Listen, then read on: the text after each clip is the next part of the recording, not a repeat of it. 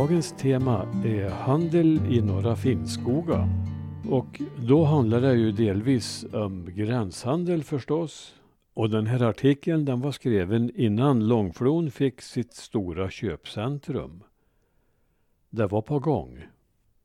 Och artikeln var delad i två delar och införd i Värmlandsbygden den 8 och 15 april 2010. I den lilla gränsbyn Långflon högst upp i Värmland finns sedan flera år tillbaka en affär som växt sig allt större. Sedan nästan sex år tillbaka ägs den av den norska familjen Johansen och årsomsättningen har klättrat upp till inemot 80 miljoner kronor. Nu vill familjen bygga ut butiksytan och samtidigt skapa ett köpcentrum i byn med flera butiker inhyrda. Ärendet behandlas av kommunen men har mött motstånd från norska myndigheter. Detta skulle bli en alldeles utmärkt service för de fyra personer som bor i byn. Men naturligtvis är det inte för deras räkning planerna smids. Det är köpsugna norrmän man i första hand vänder sig till. Handeln över gränsen är av gammalt datum och har gått i båda riktningarna och för länge sedan var det marknaderna som lockade till köp. Före 1846 var svenska landsbygdens befolkning i lag förhindrad att bedriva handel. Detta var stadsbornas privilegium och fram till denna tid, men för all del även senare, åkte folket från norra Värmland till olika marknader för att köpa och eventuellt sälja varor. Den stora begivenheten var Grundsets marknad i Elverum första tisdagen i mars. Dit kom folk från en stor del av Västsverige och Östnorge. Det har sagts att nästan alla småbönder och torpare i norra Värmland besökte marknaden och då var borta en hel vecka. Tjänstefolk och barn fick inte bli med, men däremot bjöd traditionen att alla flickor skulle till Grundsets marknad innan de fick gifta sig. På marknaden köpte folket från Finnskogarna ringar och annat nödvändigt för giftermål. En del handel sköttes också av kringresande gårdfarihandlare under 1800-talets senare del. Förutom västgötaknallar som tillhandahöll tyger och många andra varor kom många kringvandrande dalkarar. Vomhusbor som sålde spånkorgar, Hormundsbor som sålde liar, Orsabor som sålde slipstenar och limabor som tog upp beställningar på båtar. Många båtar köptes också från Norge innan de började byggas av lokala båtbyggare. En form av mindre marknad som lockade en del knallar förekom i Larsgården i Långflon när likviden för flottningen utbetalades.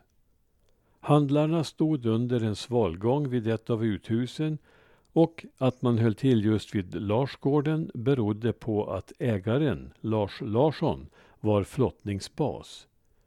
En liknande marknad blev senare hållen i Bosta vid Henriksgården. I gränsbyn Lutnäs på norska sidan fanns länge den närmaste lanthandeln. Dit åkte man från Norra Finnskoga och långt ner i Dalby och handlade av Erik Lutnäs som drev en omfattande handel från mitten av 1800-talet. Enligt Rosander hämtade denne handlare sina varor så långt bort som i Göteborg men även från Röros dit han åkte skidor till marknaden för att beställa varor. Bland varor som svenskarna köpte i Lutnäs fanns sill, torrfisk, salt, mjöl, tobak, brännvin, kaffe, krut, bly, hästar och kreatur. En känd norsk köpman under senare tid var Otto Lindfoss som hade handel i Lutnäs alldeles in till gränsen. En handel som drevs vidare av dottern Lilly fram till 1994. Otto Lindfors hade också en butik på svenska sidan i Långflon.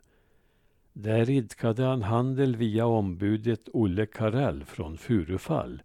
Som norrman fick han inte själv stå för affären i Sverige. De som så småningom drev handel i Norra Finnskoga i äldre tid tog i regel sina varor från Norge. I Elverum fanns tidigt järnväg och senare i Flisa. Dit fraktades varorna på tåg via Charlottenberg. Oskar Larsson betonar i sin bok Från Finnbygden att de tidiga affärerna i Höljes med omnejd hade en nog så viktig funktion även om de var av det enklaste slag och hyllorna inte var så välfyllda. Det var lång väg till de mera centrala uppköpsplatserna i Dalby, Bograngen och Trysil, skriver Oskar Larsson. Gränshandeln med Norge var en tid ganska livlig och en resa till Medskogen eller Linna, som man sade, tog ett par dagar. Men det var ändå många som reste dit och köpte mjöl, sill, sirap och torrfisk för nästan hela årsbehovet. Slut på citatet. Här nämner Oskar Larsson alltså Medskogen men konstigt nog inte Lutnäs. En del handel gick alltså mera västerut än norrut. Enligt ovan nämnde Rosander fick Höljes sin första lanthandel 1851 och det var den 26-årige Anders Jonsson från Bosta som blev ortens första handelsman. Rätt snart tycks andra ha tagit över verksamheten. O.P. Stockman från Fryksände fick öppna handel 1863 med det lilla förbehållet att han inte fick sälja sprit. Några av efterträdarna var Anders Gustav Andersson, Maria Öster, L.G. Zetterlund, Lars Jönsson, Håkan Jonsson, Lager, Anders Karlsson, Halvar Larsson från Halvarstugan i Bosta, senare Jon Håkansson från Håkansgården i Bosta och därefter hans svärson E.J. Nilsson. Vad beträffar de två sistnämnda fanns deras affär på Danielsmon som senare blev Gästis i Höljes. På Pålstorp i Höljes fanns vid sekelskiftet runt 1900 en butik som John Nilsson tog över efter Lars Jönsson. Dit kom en 16-årig yngling från södra Värmland som butiksbiträde 1897. Han hette Algot Dus och har skrivit ner sina minnen från den tiden. Han bodde på prästgården som då var inrymd i Pålstorp och han berättar att det fanns ytterligare en affär i byn. Han skriver Affärerna tillhandahöll allt från härsken sill och amerikanskt fläsk till kläder, ja till och med brännvin fanns för de invigda att få.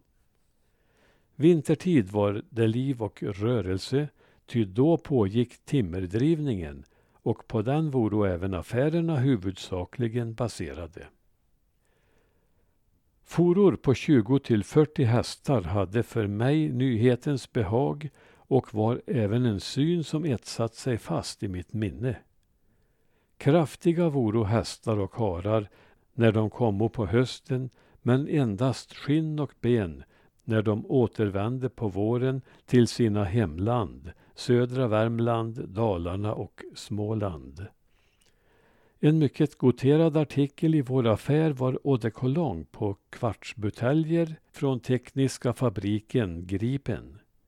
Härav såldes hundratals buteljer per vinter. Ja, den användes vid såväl bröllop och barndop som gravöl och ersatte på den tiden till fyllest andra spritdrycker. Kvällarna i affären fördrevs med kortspel vid disken Fem kort var dåtidens bridge och det spelades alltid om varor. Någon färgrik ylleduk, kalsonger, strumpor eller dylikt och sista timmarna eau de cologne. Där var det slut på Dus beskrivning. En legendarisk handlare som fick stort inflytande i bygden var gårdfarihandlaren Knut-Erik Henriksson från Malung som gifte sig med bonddottern Britta Håkansdotter i Bosta och startade firma K.E. Henriksson i folkmun Knutboa 1894.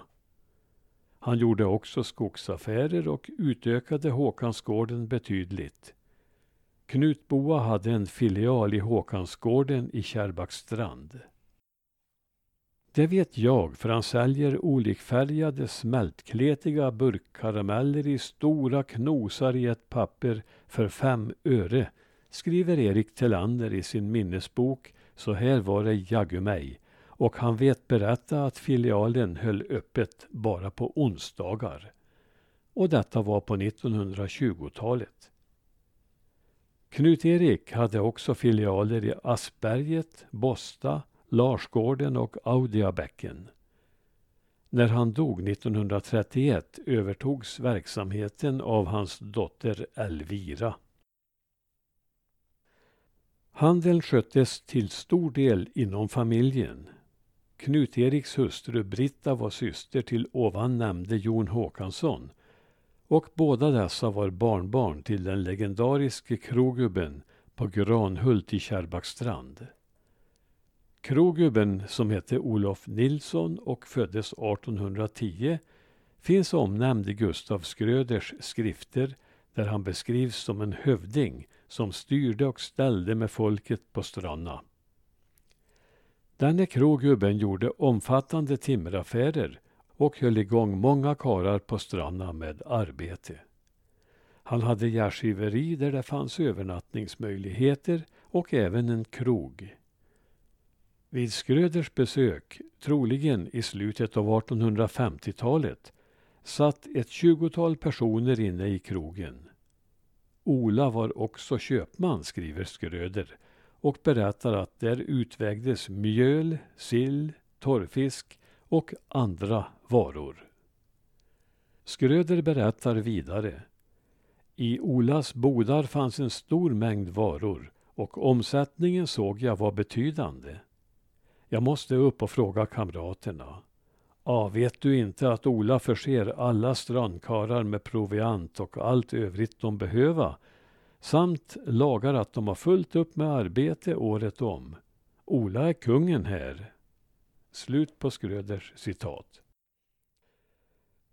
I Kärrbackstrand var Hagaboa annars den första egentliga handelsboden och den startades i slutet av 1870-talet av en släkting till öster i Bosta och drevs till 1895.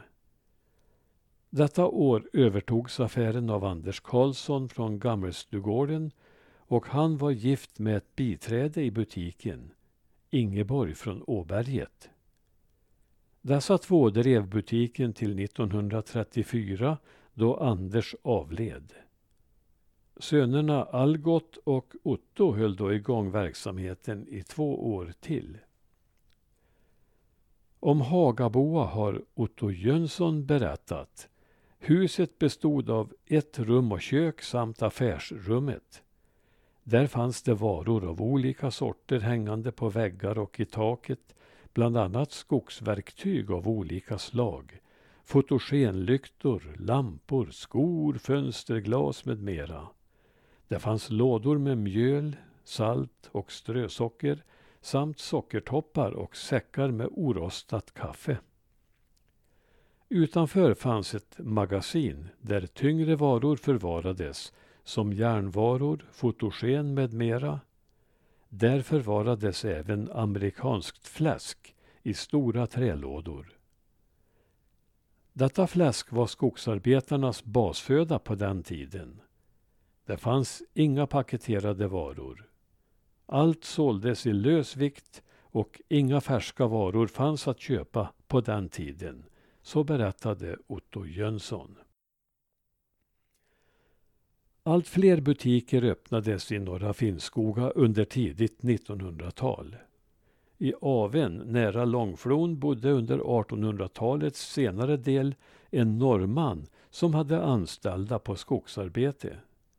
För deras räkning hade han ett litet varuupplag. I Audiabäcken sköttes Knut Eriks affär av Olof Olsson från starten omkring 1911. Men denne Olsson startade några år senare en egen butik i ett uthus. Varorna hämtade han med häst från Dalboängen. Denna rörelse lades ner omkring 1919 då han gick tillbaks till sin tidigare tjänst. Olsson hade en bror som startade en affär i Klaråsen 1915 och i Furufall startades 1930 en affär av H. Kareliusson i ren protest mot att Konsum inte ville öppna filial där.